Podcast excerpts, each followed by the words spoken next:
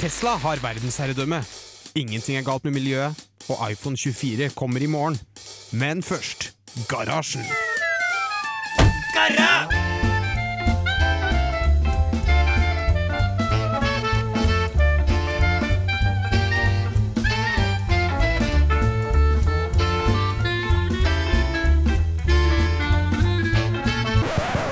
På radio Revolt!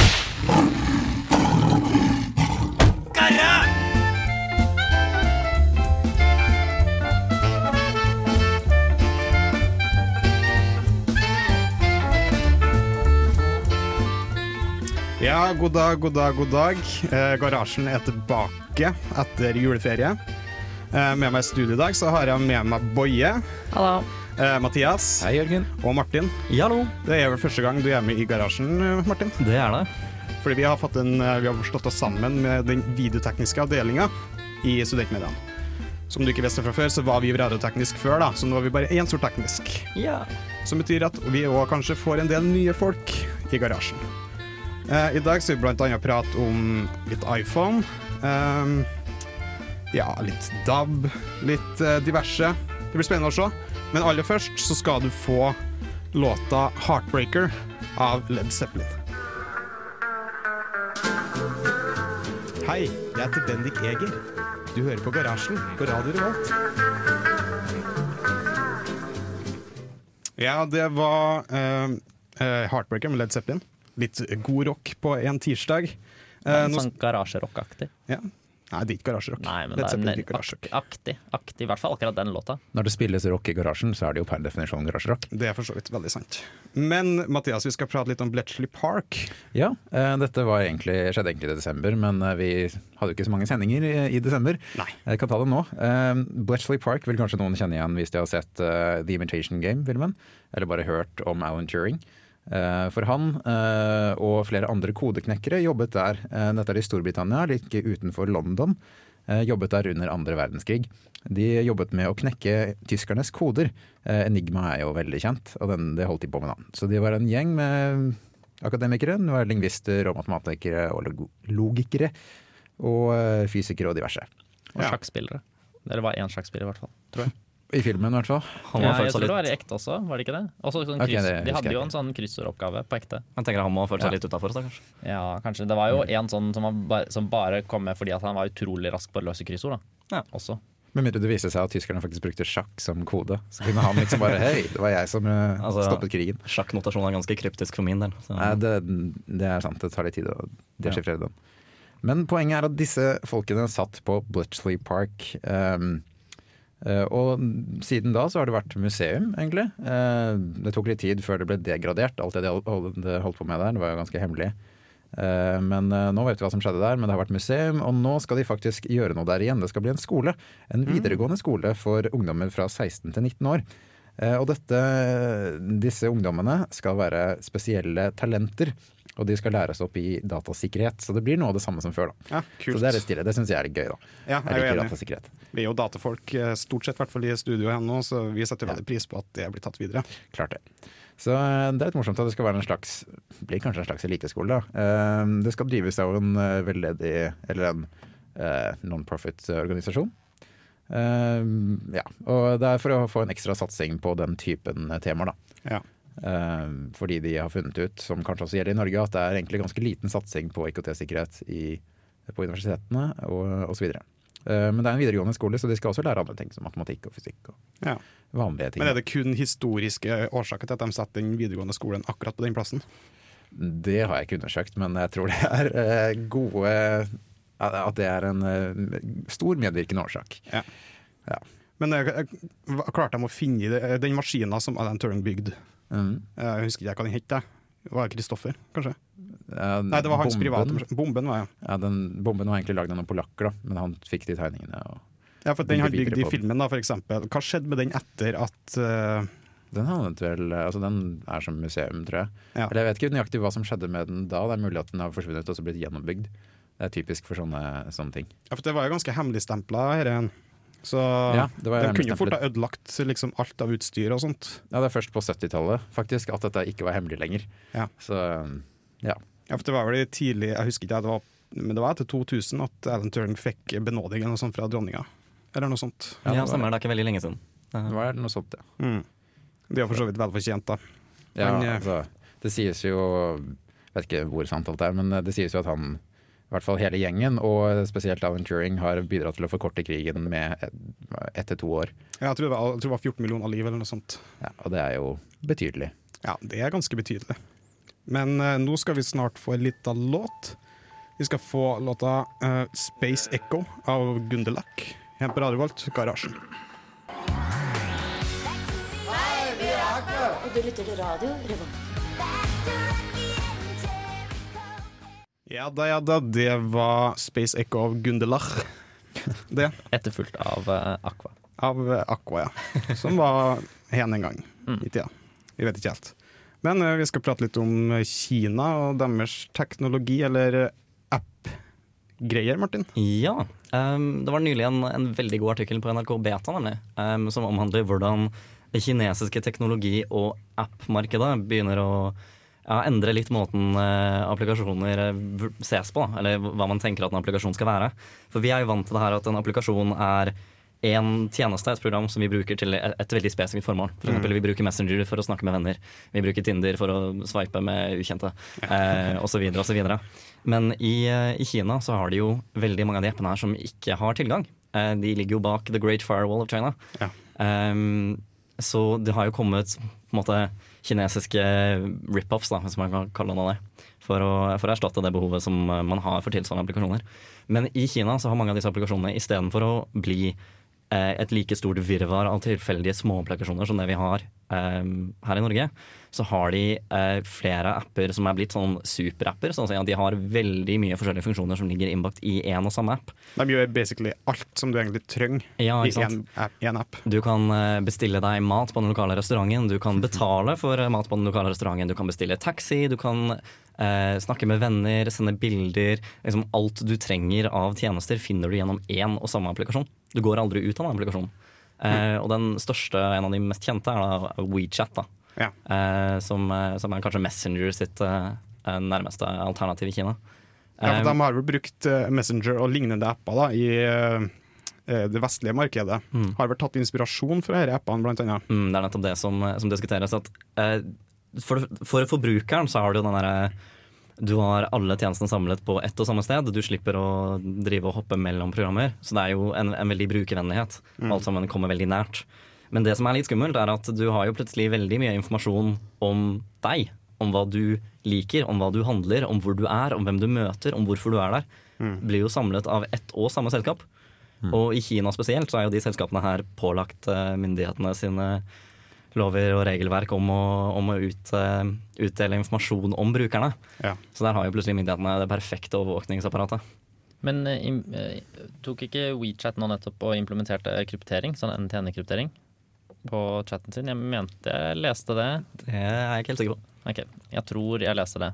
Fordi det var et eller annet Det var i forbindelse med at Facebook kom med den derre hemmelige chat-greia ja, si. Eh, og da skrev de også om andre chattetjenester som drev med det. Mm.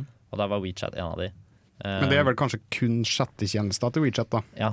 Det var bare kommunikasjon-greia. Ja. Men jeg vet ikke om den var på en måte kryptert sånn at eh, ikke engang WeChat kunne lese det. Det Nei. vet jeg ikke. Og det er jo sånn som Google også sier, at de logger jo ikke De sier vi logger ikke eh, eh, hva du skriver og hvem du skal snakke med, men vi logger eh, hver, eh, hvert ord. Nei, hver bokstav, Mm. men ikke hvert ord.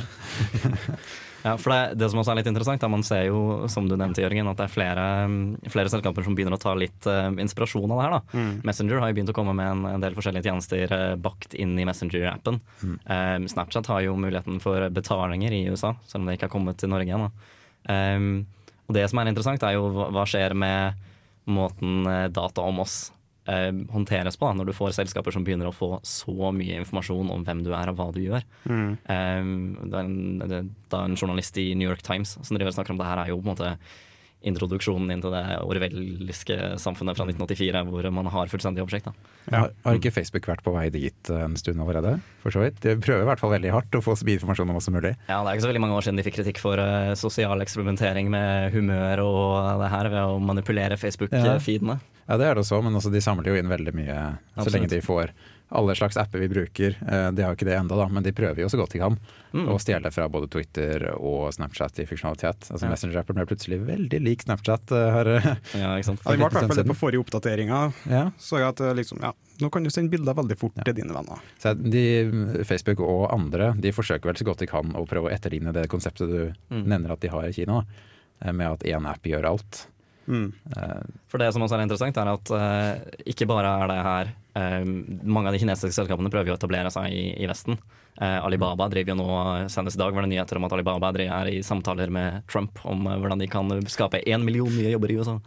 Ja. Men det er jo også et enormt marked i Kina på 700 millioner personer, som veldig mange av de vestlige selskapene håper å kunne komme inn til. Ja. Det var jo WeChat alene som sin betalingstjeneste hadde jo flere transaksjoner i perioden for kinesisk nyttår enn det, um, altså i løpet av syv dager enn det PayPal hadde i løpet av et helt år. Så det er ganske mange brukere og ganske mye info som ligger inne her. Det er også den andre, den japanske greia. Hva heter den? Rakuten? Rak Rakuten. det er noe sånn som ingen har hørt om, men som er like stort eller større enn Amazon. På en måte det samme, da, bare at de har liksom hotell og de har bare sånn sinnssykt mange tjenester i én og samme greie. ja. De er veldig glad i ja, egentlig ja, Vi liker vel samleapper. Eller liker vi egentlig samleapper? Nei, jeg hater det. Ja, jeg syns det er greit med Jeg liker å ha det modulært, Ja. Det er jo praktisk, men uh, kanskje litt skummelt. Ja, det er litt skummelt. Ja. Men, men. Nå skal vi få ei låt av Alan Walker, bergenseren. 'Faded', på Garasjen, Radio Revolt. En gris og en hare! Ja da, det var 'Faded' med Alan Walker, det. En i garasjen på Radio Revolt. Uh, nå skal vi prate litt om iPhone. Den fyller ti år. Gjør ikke den det, Boje? Jo, det, hvorfor spør du meg det? Du vet at den gjør det. Ja. Ja. Men du har jo hatt eh, iPhone i eh, jeg kanskje et år nå? har hatt iPhone i mange år, ja. Unntatt eh, noen få år da jeg ikke har hatt det.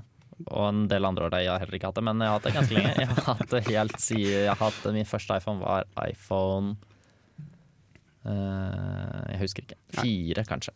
Nei, fire, jo, rundt der, eller tre. Jeg husker ikke. Veldig interessant. Eh, men jeg som eh, berømt Windows Phone-bruker i ca. tre-fire år nå, har bytta telefon. Jeg har bytta til iPhone. Nei, Jørgen! Ja, det er riktig. Hvordan kunne du? One Nei. of us, one of us. Ja, det var, var kanskje litt sånn. Jeg, jeg var jo selvsagt lei av å aldri ha apper, da. Med en Eh, gang du kjøpte, med en gang du fikk den i hånden, begynte den der 'Everything Is Awesome'-sangen eh, spille i hodet ditt. Med det, en gang. det var ikke så langt unna. Nei.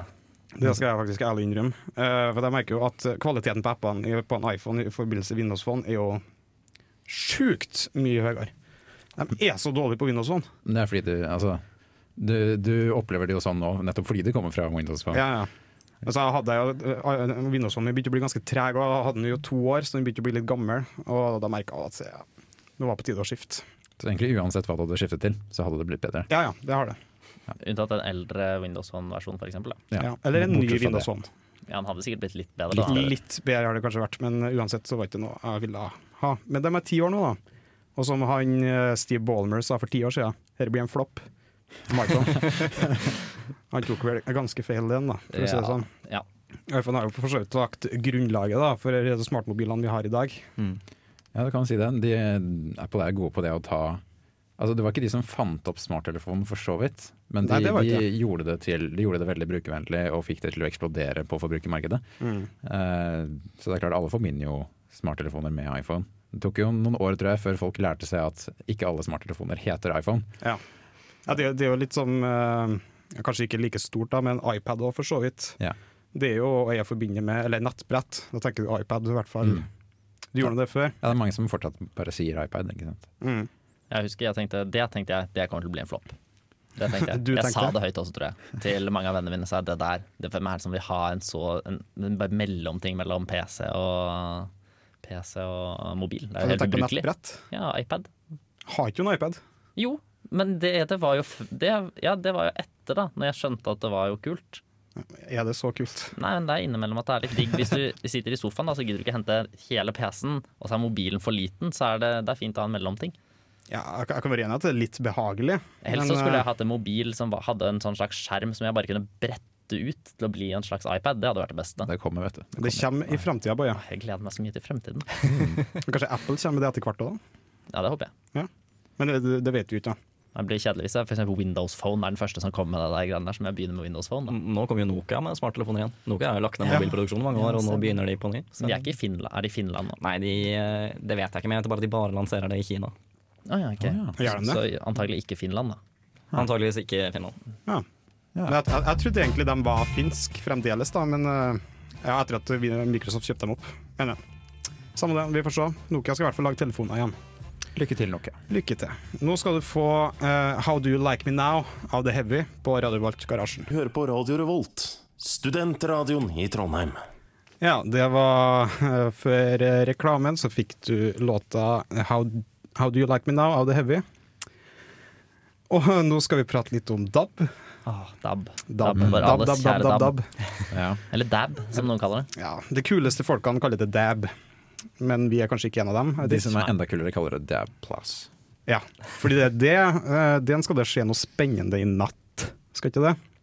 Er det i natt? Det har jeg ikke fått med meg. Nei, jeg tror det er i natt. Okay. Så skal DAB-nettet legges ned Ja, er, i Nordland.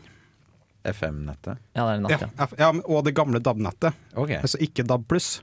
ok, det har jeg heller ikke fått med. Jeg følger ikke med, tydeligvis. Nei, du må begynne å følge med litt, Mathias. Ja. Men uh, som en uvitende forbruker, hva betyr det her hvis jeg har en vanlig DAB-radio? Eh, uten pluss, tenker du på? Mm. Uh, den er bare kast. Ja, ja, så når jeg kjøpte meg DAB-radio fordi vi skulle av FM-nettet, uh, men jeg kjøpte DAB-radio før det kom en DAB pluss-radio Ja. Men, det, gikk det på en smell. Ja. men eh, det går egentlig ikke, fordi DAB pluss-radioene kom lenge før det ble bestemt at vi skulle stenge ned. eh. Så Ja. en vanlig DAB-radio i dag er DAB pluss. Men hvis du kjøpte, jeg tror det var før 2007, så solgte de DAB-radio uten DAB pluss. Så hvis radioen er fra før 2007, så er det mest sannsynlig at du må kaste den. Da har jeg nok en DAB pluss-radio. Ja. Ja. Jeg syns synes det var så morsomt, det, apropos radioer, det var så morsomt det forslaget som kom fra Stortinget om at eh, det var Jeg husker ikke helt hvor det var, sikkert Miljøpartiet De Grønne, som syntes det var så trist da, at nå kommer det til å bli kastet så mange FM-radioer. Så de foreslo da at vi bare skulle ta en sånn kollektiv innsamling av alle FM-radioer, og så kunne vi bare sende de til Sverige. Og selge det litt billigere der. Det er jo genialt. Fantastisk. Jeg vet ikke hvordan det gikk med det forslaget, men jeg håper at det går bra. At det kommer snart en eller annen person fra myndighetene og skal spørre om jeg har en DAB-radio som jeg vil donere til en slags sånn, eh, FM-radio. ja, et slags sånn loppemarked på, i Sverige med så- norske FM-radioer. I Sverige så dumpes prisene på Norge-radioen. Ja, ja. Vi kommer til å, altså det blir slags eh, vi får inflasjon av FM-radioprisene kommer til å styrte i Sverige nå. Ja, for de er veldig høye fra før, det er FM-radioene. Ja, det, er, altså, det er en egen slags indeks, det er FM-indeksen. Men problemet med det er at da kommer prisen til å bli så lav på FM-radio at alle i Sverige kjøper nye FM-radioer, og da tar det lengre tid før de stenger sitt FM-nett. Eh, Så da tar det lengre tid før de kommer seg inn i den moderne æra, de også. Ja, det er en slags sånn måte for Norge å få Sverige til å på en måte forbli steinalderen. Ja. Og ikke ta igjen det teknologiske forspranget vi har. Ja, for da blir det et veldig stort teknologisk forsprang. Ja, det er det. Altså, det er enormt. jeg tenker, jeg tenker at disse DAB-radioene, FM-radioene må jo ha noe verdifullt inni seg. Sånn av Ja. materialer. Det altså, du kan fremdeles høre på lokalradioer i omegn hvis det eksisterer lokale radioer, og de har konsesjon på FM, så kan du fremdeles høre på FM. Ja. Men NRK vil forsvinne fra, fra FM-nettet. Men er det ikke sånn gammelt eh, kriseråd fra krigen at man alltid skal ha en, eh, en radio klar, så man kan lytte på meldingene på, fra myndighetene hvis det blir krig? det. Det. Ja, men det Men er tror du myndighetene sender på DAB+. Nei, de gjør ikke det. De har gått av. De har fjernet DAB, er ikke, eller radio er ikke lenger krisenødnett. Så nå har de gått over til at du er sånn, du får faktisk en sånn, akkurat som du får bank i det, så får du bare en sånn beskjed på mobilen din. Ja, magisk. Mm, Magisk, faktisk. Det har jo vært en stor del av debatten nå, nettopp det at eh, radio brukes også til informasjon, altså via NRK, da, at folk kan skru på P1 hvis det er et eller annet som skjer. Og det er jo sånn har det vært lenge. Eh, og derfor har det vært veldig mye snakk om det. Ja, men hva hvis dekningen ikke er god nok på DAB pluss når vi stenger ned FM? Eh, og ja, det har vært mye bekymring rundt da, og Nordland er jo de første som skal gå gjennom det her nå. Eh, men man mener da at dekning, den nye dekningen er god nok. Det er kanskje hull litt andre steder, men FM-nettet hadde også hull. Eh, ja, så det har vært mye av, mye av snakket, da. Men nå mener jeg at dekningen er god nok til at det er trygt nok beredskapsmessig. Kan jeg bare hoppe tilbake et øyeblikk til det du sa om melding på mobilen? Hvis mobilen min ikke klarer å takle bank i dag, da?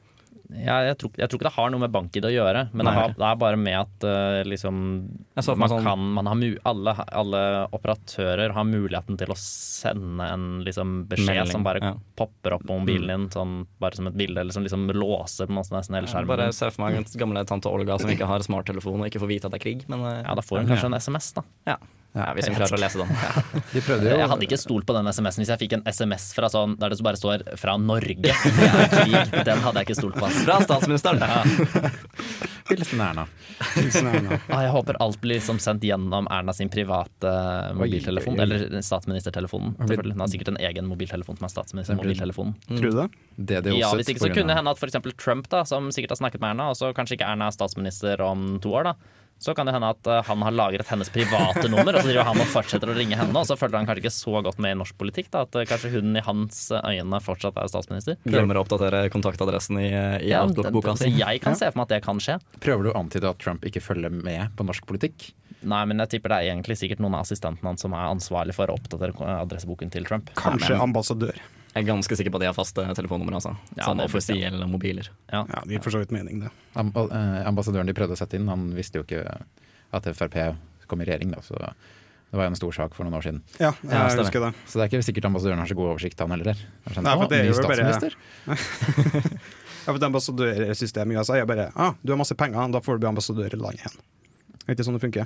Jeg skal ikke uttale meg om det, det kan jeg ikke nok om. Nei, ikke jeg heller, men jeg tror det er sant. Jeg, tror, jeg velger også å tro at det er sant, selv om jeg ikke kan noen ting om det. Ja, Ja, det er typisk amerikansk politikk. Tror uansett ikke de sjekker hvor kvalifisert du er til å oppdatere telefonkatalogen.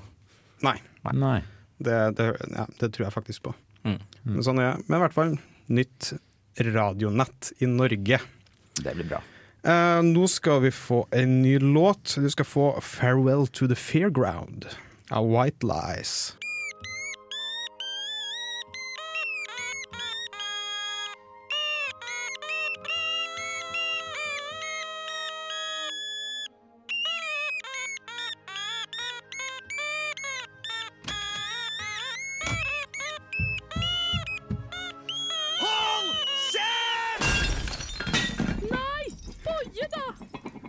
Ja, eh, det var 'Farewell to the Fairground' av White Lies etter det morgenstund. Vi skal prate litt om droner, Martin. Ja. Um, nå nylig så har det da blitt uh, satt i gang for første gang noensinne at et uh, statlig postvesen har fått lov til å bruke droner uh, i liksom vanlig ja, produksjon, hva kaller man det, vanlig drift, Ja, um, i eh, en liten landsby i Sør-Frankrike. ja Spennende. Ja, så har de da en liten drone som kan, pakke, nei, kan bære pakker på opptil tre kilo. Som eh, en gang i uken skal fly mellom to, eh, to byer i, nede på, på Sørlandet i Frankrike. Da. Eh, da flyr den en, jeg tror det var 12-16 km, noe sånt. En gang i uken med, med tre kilospakker fram og tilbake. Da. Ja. Men er det dør til dør, eller er det liksom bare fra stopp til stopp? Ja, det var mellom to eh, sånne leveransestasjoner. Da. Ja, det var fra depot til depot. Ja, så å si. Men eh, jeg synes noe av det kuleste var jo det at den eh, kunne da fly Den hadde en rekkevidde på opptil 20 km, litt ekstra margin. Kunne fly i 30 km i timen og hadde innebygget fallskjerm dersom det var eh, motorsvikt på dronen. smart. Ja, Det de, er de, må ha- kanskje ha det, egentlig. Ja, fallskjerm? Ja. Ja. det er dumt å falle i huet på noe sånt. De gjorde Ja. den der den, Hva var det? Var det slalåm Ja, det var eller et eller slalåm annet sånt noe? som nesten Ja, det var sånn kameradrone. Ja, Ja. bare falt ned. landet sånn to meter fra en utøver. For det er en ting som jeg tenkte på at Nå er det jo et lite år siden kanskje eh, siden Amazon hadde sin første direkteleveranse med drone i Nord-Amerika som et sånt testprosjekt, som eh, skapte store nyheter. Nå er det da også et, eh, et statlig postvesen som har prøvd å implementere det samme. Men Amazon dro sine droner har vel ikke fallskjerm, så vidt jeg vet. Og det var noe jeg tenkte på at det er litt kjipt når noen bestiller eh, kan- Du sender kanskje ikke ambolt med post, eh, men, eller med drone, men eh, når noen det. bestiller noe litt tungt nå, og så plutselig krasjer dronen din, Ja, så får noen det i huet. Ja, for det må jo anta at sånne ting kan skje, Absolutt. og da må man jo ha backup på det. Og Altså, Men det kan jo ikke være så vanskelig å lage en Det er bare å lage en liten fallskjerm som utløser seg ved liksom sånn trykk som det blir når den faller. Mm. Jeg bare ser for meg at du vandrer bortover gata, og så plutselig faller det en uh, Dormios eller Peppers Pizza-drone ned foran deg med en liten forskjell. Og så har du gratis eh, pizza på gata. Oi, oi, oi. Mm. jeg gleder meg til framtida. Det kommer folk til å gå rundt og skyte ned pizzadroner. Ja, for det husker jeg noen snakket om. Ja. Men det er jo sånn man driver med i Star Wars. Altså Hvis det går en eh, droide forbi deg, så kan du bare liksom fange den. Ja, Man må ikke blande droider og droner. Ja, for, Ja, eh, jo, altså de, de blir jo avansert etter hvert. ja, for det var jo noen som skjøt ned en drone under testfasen til eh, Amazon i Nord- Nord-Amerika. Hvor det var et av de problemene de hadde under testen da de skulle prøve å bygge opp dette dronesystemet, så var det en mann som fyrte av hagler hver gang han så dronen. Da, da føler jeg du vet okay. at du er i USA. ass. Ja. Det er en viss sjanse for det. Men har ikke dette vært eh, snakk om veldig lenge, med vareleveranser via droner? Mm, absolutt. Og DHL har eh, også hatt eh, droneleveranse i et Jeg tror det var snakk om et lite år der. Det er en liten øy utenfor vestkysten av, av Tyskland. Mm. det er et par kilometer mellom øy og fastland. Hvor de har en, en liten drone som fast, fast bringer ut medisiner da, Ja. til en øy med ca. 1500. Så har den en, jeg tror det er en payload på rundt en kilo. Som den eh, flyr bare akkurat over vannet. Ja. Ja. Stredet mellom øya og fastlandet. Ja, for vi snakket vel også mye om det i Australia. At det var veldig lønnsomt å ha droner der. Fordi det var mange store strekninger der de måtte kjøre enorme omveier pga. av landskapet. på en måte Det ville vært veldig lønnsomt. Mm. Men jeg, jeg synes det kule med droner er også at du trenger jo ikke bare å ha, ha nytteleveranser, typ eh, transport av varer som du har kjøpt, eller pizzaen din hjemme på døra. Du kan også bruke det til litt mer eh, kritiske ting. Det var en organisasjon i eh, Europa som har jobbet med det å sende defibrillator med, med drone. Oi! Oi. For de, de har tidligere hatt noen sånne apper hvor eh, du har et sånn felles appsystem hvor alle sammen som kan CPR, kan melde seg inn. Og hvis det er noen som eh, trenger hjerte-lungeredning, så sendes det en melding til alle appene i nærheten og sier hei, nå er det en person som ligger her, kan du komme og løpe og hjelpe han. Um, det er vel i Storbritannia det foregikk. Og så fant man ut at pga. noen sånn regler og ting, så var det plutselig kun leger og ambulansesjåfører som kunne melde seg inn i det her. Vanlige personer kunne ikke få lov til å komme løpende og hjelpe med CPR. Men da var det noen som eller videreutviklet den ideen da, med at det er jo ikke alltid det hjelper med bare hjerte-lungeredning. Noen ganger trenger du defibrillator. Da var det snakk om at i de større europeiske byene så trenger du ikke så veldig mange titalls droner eh, plassert litt jevnt utover byen. Eh, hvor du kan ha et system at hvis du trenger hjerte, hjertestarter, så bestiller du det via drone, så å si. Eh, og så kommer den nærmeste plasserte dronen fra et hustak i nærheten og, og gir deg hjerteredningsutstyr. Det er jo dritsmart. Det er dritkult. Jeg ser for meg sånn Uber-defibrillator. Hvordan er det man sier det? Defibrillator. Ja, takk. Jeg lar være å si det. Men jeg mener å huske at jeg også snakket om eh, Når jeg snakket om droner tidligere, så har vi også snakket om at det var eh, sånn frakting av blod mellom sykehus. For det er ofte Ja. Det er jo egen Det er ofte rørepost eh, her i Norge, i hvert fall. ja. For da, er det jo, da kjører de jo i hvert fall mellom de store sykehusene, så kjører de jo bil. Mm. Og da ville det vært veldig effektivt å bare kunne bare si nå trenger vi dette, og så bare kommer det en drone fra nærmeste sykehus som har den automagisk. Ser jeg for meg han stakkaren som vandrer nedover gata og hører på Raining Blood og Slayer. Den dronen her krasjer. Men tror dere, tror dere at det kommer til å bli en greie hvis det, hvis det blir sånn da, at posten liksom blir eh, kjørt ut med droner og sånn? Mm. Så blir det plutselig spennende, i hvert fall hvis man har Hvis ikke alle dronene er like, da. Men da kan man begynne med sånn dronekikking og sånn. Dronespotting. Ja. Mm. Sånn som man gjør med fly i dag, tenker du? Ja, litt Det blir et eget litt- fag på NTNU. Å ja, dronekikking! Herregud, kanskje det også blir 15 studiepoeng. Det, er, det, det gleder jeg meg veldig til. Mm, tror du at man også må lære mye sånn om å bare høre på motoren av dronen? Og så Ja, det der er en eBay-drone, ja. Det er quadcopter, den har seks propeller, den der. Og Ja, sånn. 15 tommer minst. Ja. Kjempedumme. Og så- og så blir det sånn egne sånn eh, bil- eller droneveier opp i lufta. Det gleder jeg meg til. Det blir bra. Med sånn lyskryss og sånn opp i lufta. Mm. Blir ikke det fett? Egne droner som liksom bare er lyset. Ja, jeg får Futurama-introen i hodet igjen nå. Ja, men det, det er ikke så langt unna, da. Men tror dere ikke at hvis begynner, hvis droner flyr, så kommer det Da burde i hvert fall Da syns jeg ok, hvis det kommer noe nytt sånn nå, som er liksom et kjøretøy i en helt nytt sted der det ikke er noe andre kjøretøy, da syns jeg de burde greie å lage sånn der hvor de snakker sammen og bare greier å fly på en effektiv måte, istedenfor å lage sånne tøysesystemer. Sånn som lyskryss og rundkjøring, sånn som er for Ja, altså for, Slippe å få sånn flytårn overalt, f.eks. Men da må du ha standardiserte systemer, da. Det er ikke folk så gode på alltid.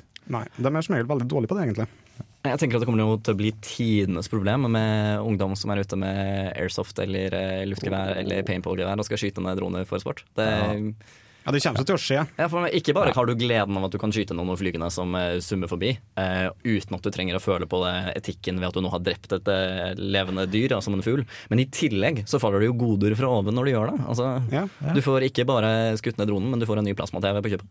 En knust plasma-TV, men uh, Ja, ja men den har jo fallskjerm. Ja, den har fallskjerm. det.